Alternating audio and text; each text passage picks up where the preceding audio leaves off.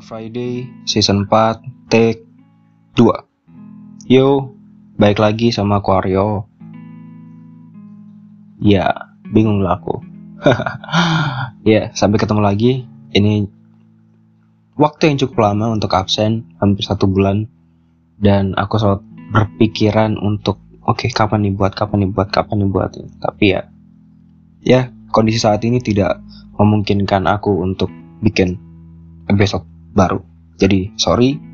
So kita lanjut. Podcast ini adalah obrolan tentang keraguan, kesalahan, dan juga pencapaian anak-anak yang ada di umur 20-an. Aku ajak kamu yang mungkin sekarang harus menghadapi fakta bahwa banyak momen pendewasaan dan tanggung jawab yang nyata terjadi di perjalanan hidup kita. Jadi, buat podcast ini sebagai tempat uh, kamu bersandar mungkin atau sekedar tempat kamu untuk sedikit melupakan uh, kelelahanmu, kekecewaanmu, apa pun itu, kita cuman mau bahas tentang anak-anak 20-an dan segala segala apa ya? segala hal yang yang terjadi di dalamnya. Tapi kita bikin itu jadi menyenangkan, jadi oke, okay, kita stop yang namanya stres-stres ikutin aja kehidupan ini. Maunya kayak gimana? Jadi sekarang udah mau September. September berarti aku udah mau 21 tahun. Dan mungkin dalam waktu yang dekat akan 22, 23, 24, 25 dan dan seterusnya. Kata orang, semakin dewasa kita, semakin sedikit pertemanan kita atau atau semakin kecil circle kita. Menurut kamu itu benar atau enggak? Kalau menurutku sih, hmm, bener sih.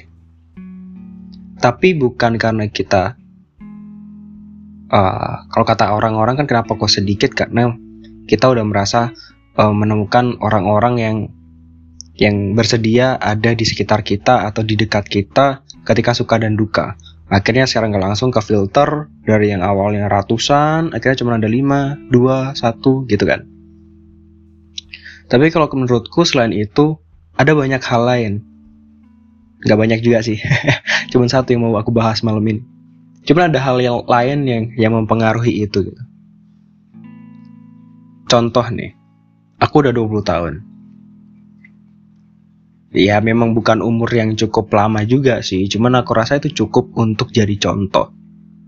20 tahun aku cukup banyak ada di di berbagai bentuk pertemanan.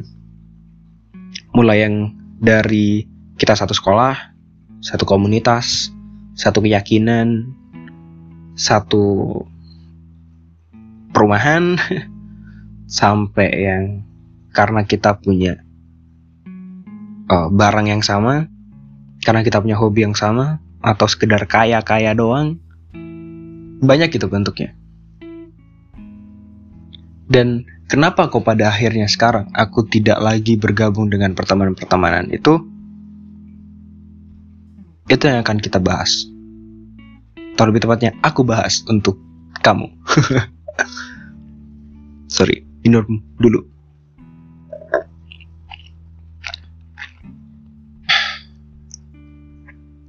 Oke. Jadi kenapa kok pada akhirnya kita berakhir di hanya pertemanan yang sedikit? Kalau menurutku nih, itu karena kita udah mencoba banyak bentuk pertemanan dengan latar belakang apa pun dan pada akhirnya kita tidak menemukan rasa nyaman yang sama atau mungkin balik lagi karena itu circle sekolah akhirnya ya cuman waktu di sekolah doang. Circle hobi ya akhirnya waktu menjalani hobi itu doang. Tapi nggak ada apa ya involve yang yang yang lebih banyak dari mereka ke kehidupan kita. Jadi ya sekedar have fun doang. Gitu. Tapi di satu sisi selain itu aku menilai kenapa kok kadang kita keluar dari suatu kelompok dan akhirnya berakhir dengan orang-orang yang hanya hanya berarti buat kita. Itu aku rasa karena penolakan. Jujur aja nih ya, ini terbuka nih, penolakan. Sadar nggak sih, kalau dalam satu pertemanan itu secara nggak langsung ada syarat-syarat tertentu yang harus kita penuhi sebelum bergabung sama sama si si circle itu.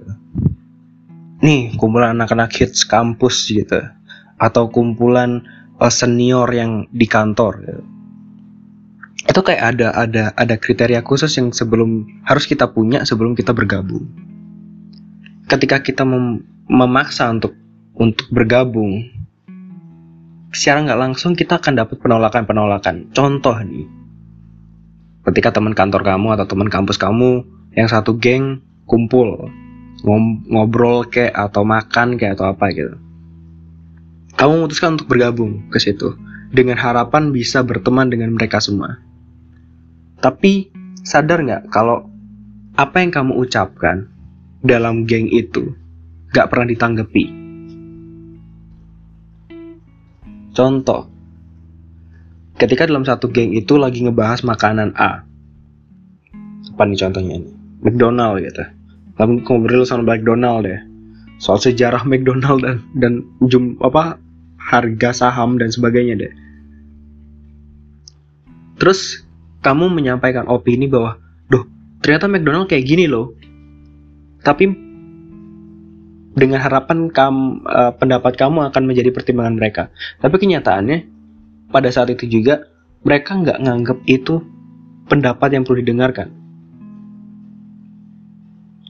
Mungkin kamu bisa dengar kayak, oh iya, oh iya, udah gitu doang. Jadi intinya pendapat itu nggak akan nggak akan ditindaklanjuti gitu. Maksudnya nggak akan pembahasanmu itu nggak akan diperpanjang. Tahu kan maksudnya? Itu secara nggak langsung mereka nggak nggak nggak menghargai pandanganmu mereka juga nggak tertarik sama pandanganmu. Dan udah jelas bahwa dia atau mereka nggak apa ya nggak bertujuan nggak bukan nggak bertujuan gimana ya? Nggak ada keterbukaan mungkin atau keinginan untuk untuk menjadikan kamu bagian dari geng itu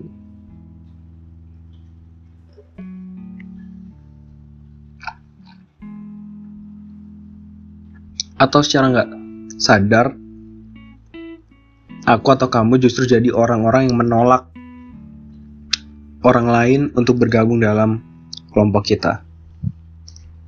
Pernah kan dalam satu kelompok gitu waktu ada anak baru masuk ke geng kita terus tiba-tiba kita lagi bercanda bercanda bercanda dia nggak ketawa sama sekali terus waktu pulang nih bubar nih kita langsung ngomongin di belakang kayak nggak asik banget sih masa ngomongin gini nggak dia nggak ketawa paham nggak sih? Apa sih? Kayak, pasti pernah deh kayak gitu.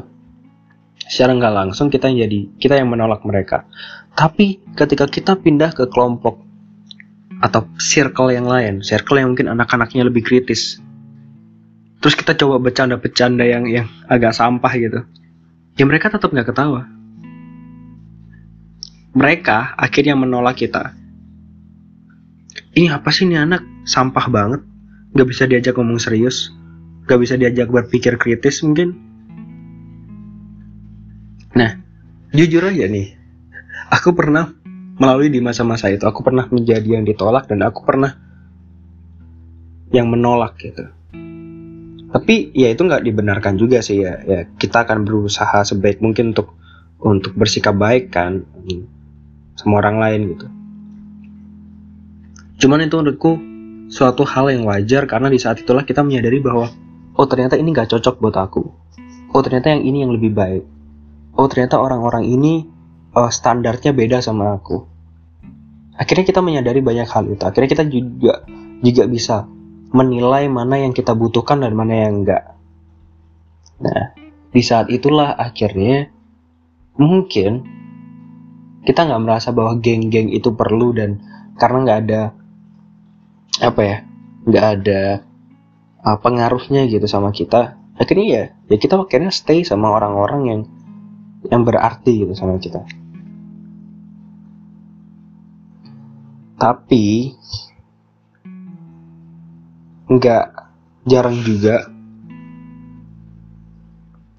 banyak orang-orang atau ya teman-teman kita semoga nggak kamu ya yang merasa ditolaknya merasa nggak diterimanya itu jauh dari sekedar oh ya udah ternyata kelompok ini nggak cocok sama aku.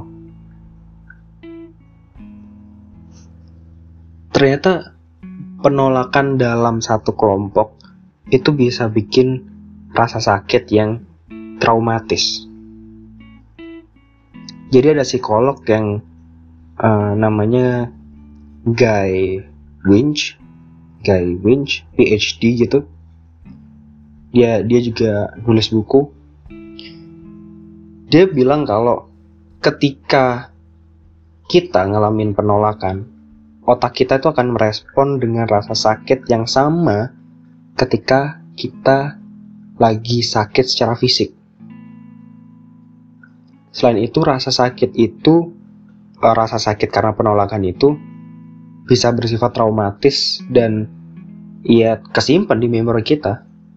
Nggak bisa hilang atau sangat sulit untuk hilang.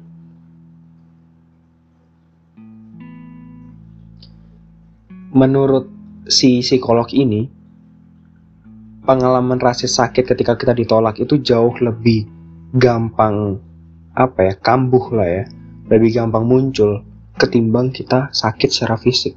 Gila gak? Cuman karena penolakan, ternyata sampai sesakit itu. Terus ada lagi, selain traumatis, ketika kita mendapat penolakan atau kita melakukan penolakan, yang ditolak bisa merasa sendiri. Benar-benar merasa sendirian. Nggak ada yang peduli nggak ada yang butuh sama dia nggak ada yang menginginkan dia. Tapi ini masuk akal su. Beruntung buat kamu yang yang ketika ditolak di kelompok A ternyata bisa uh, klop sama kelompok B. Tapi kan kenyataannya nggak semua kayak gitu.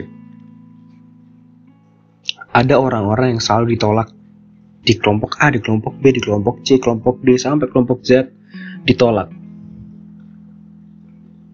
Dan aku yakin di sekitar kamu atau mungkin secara nggak langsung kita sendiri sebenarnya adalah orang itu.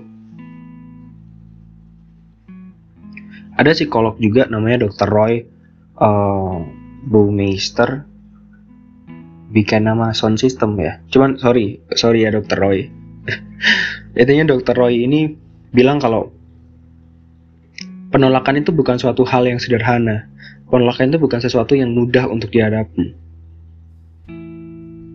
Karena dia melihat bahwa manusia itu dari lahir itu nalurinya hidup berkelompok. Jadi ketika ada penolakan-penolakan di mana kita tidak diterima dalam kelompok dan memaksa kita untuk tetap bertahan sendirian, itu akan sangat menyakitkan karena uh, faktanya kita harus hidup atau berjuang sendiri gitu. Bayangin gak sih ketika kamu uh, baru masuk kuliah, terus uh, ya berteman, berteman, berteman, tapi ternyata teman-teman itu hanya ya sekedar teman yang cuman kamu sapa setiap pagi atau kamu chat ketika kamu lagi butuh atau dia lagi butuh. Kuliah 4 tahun dan kamu benar-benar sendirian. Datang ke kampus, ikut kelasnya, pulang. Bayangin ya, sesendiri apa itu? Seberapa menyakitkannya itu?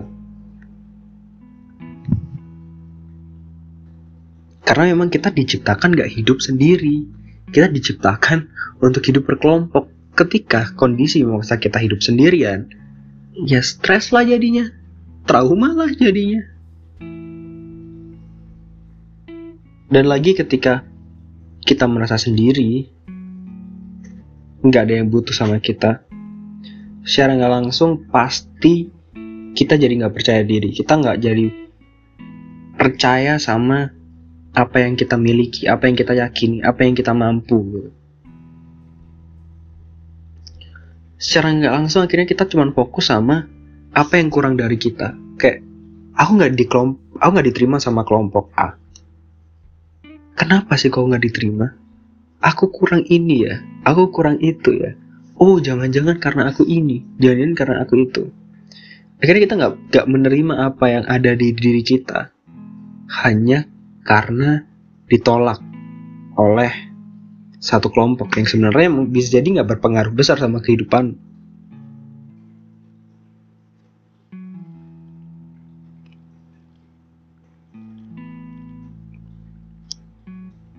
dan jelas aja sih.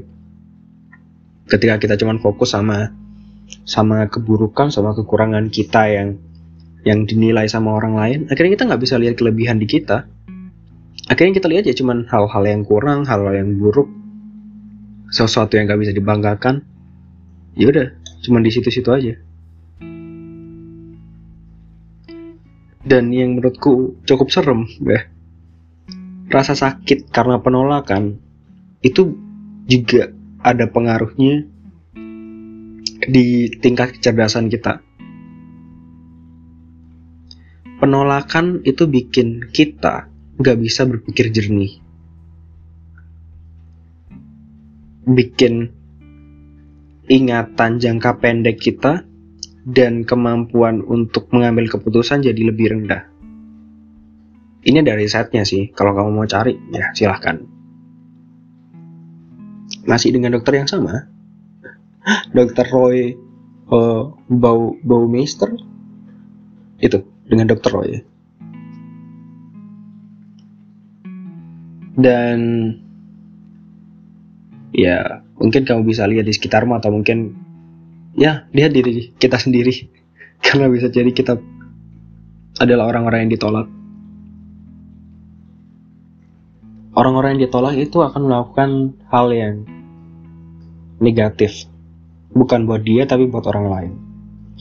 Ketika nggak ketika kita ditolak secara nggak langsung kita bersikap sinis sama satu kelompok itu. Atau kita menjelek-jelekan kelompok itu.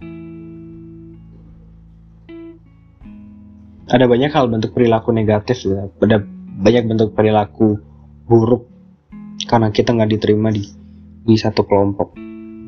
Atau mungkin justru bukan karena kita nggak diterima dalam satu kelompok. Kita balik lagi karena kita nggak diterima, akhirnya kita merasa kurang, nggak bisa lihat kelebihan kita, akhirnya kita melakukan hal yang buruk untuk menunjukkan eksistensi, untuk uh, menutupi apa yang kurang dari kita. Menurutku itu masuk akal. Tapi tetap tetap ingat bahwa kita manusia. Kita anak-anak 20-an yang sejatinya hidupnya masih penuh dengan permainan kita hidup bukan untuk sendiri. Kita hidup itu untuk ya bersosial. Jadi buat kamu yang ada dalam kelompok-kelompok yang menolak, tolong gak ada salahnya menerima orang baru dalam kelompok kamu. Kalau memang gak nyaman pun, ada banyak cara yang mengkondisikan bahwa privasi dalam kelompok kamu gak akan kesebar ke orang yang baru itu. Dan sebagai orang baru, ketika kamu memang ditolak, ada banyak kesempatan lain, ada banyak kelompok lain yang mungkin akan sama kayak kamu. Ada kok kumpulan orang-orang yang ya suka banget sama buku. Ketika anak-anak yang suka buku gabung sama anak-anak sosial media, ya itu mungkin bukan kombinasi yang tepat. Tapi kamu akan selalu bisa menemukan orang-orang yang yang sebenarnya sama kayak kamu. Aku pun bisa menemukan orang-orang yang ternyata sama kayak aku. Jadi aku yakin ceritamu juga bakal kayak gitu. Kamu akan menemukan orang-orang itu. Kapan? Gak tahu. Selama kamu mencoba, kamu pasti bisa menemukan orang-orang itu. Dan beruntunglah kamu untuk yang gak perlu bersusah-susah payah untuk berpura-pura layak untuk bergabung dalam satu circle tertentu. Ketika kamu udah punya orang-orang yang kamu percaya dan berarti buat kamu. Tapi nggak seru kalau ya nggak ada tips dikit lah ya buat kamu nih yang berusaha untuk bergabung dalam satu kelompok. Ini aku kasih lima tanda. Lima apa ya? Ya iya tanda-tanda ketika ketika kelompok itu ternyata welcome gitu dengan kehadiranmu dalam satu circle itu. Yang pertama yang pertama sorry. Yang pertama mereka tertarik sama apa yang kamu bicarakan. Ketika kamu memberikan topik, mereka akan dengan senang hati membahas itu. Mungkin bukan karena mereka suka, tapi karena mereka menghargai apa yang kamu ucapkan, atau mereka menghargai sudut pandang kamu. Yaitu itu jadi satu tanda bahwa kelompok itu menerima kamu. Lanjut, itu yang kedua. Ketika kalian lagi ngobrol, ketika kalian lagi diskusi, mereka nggak berusaha untuk menjatuhkan atau memotong pembicaraanmu.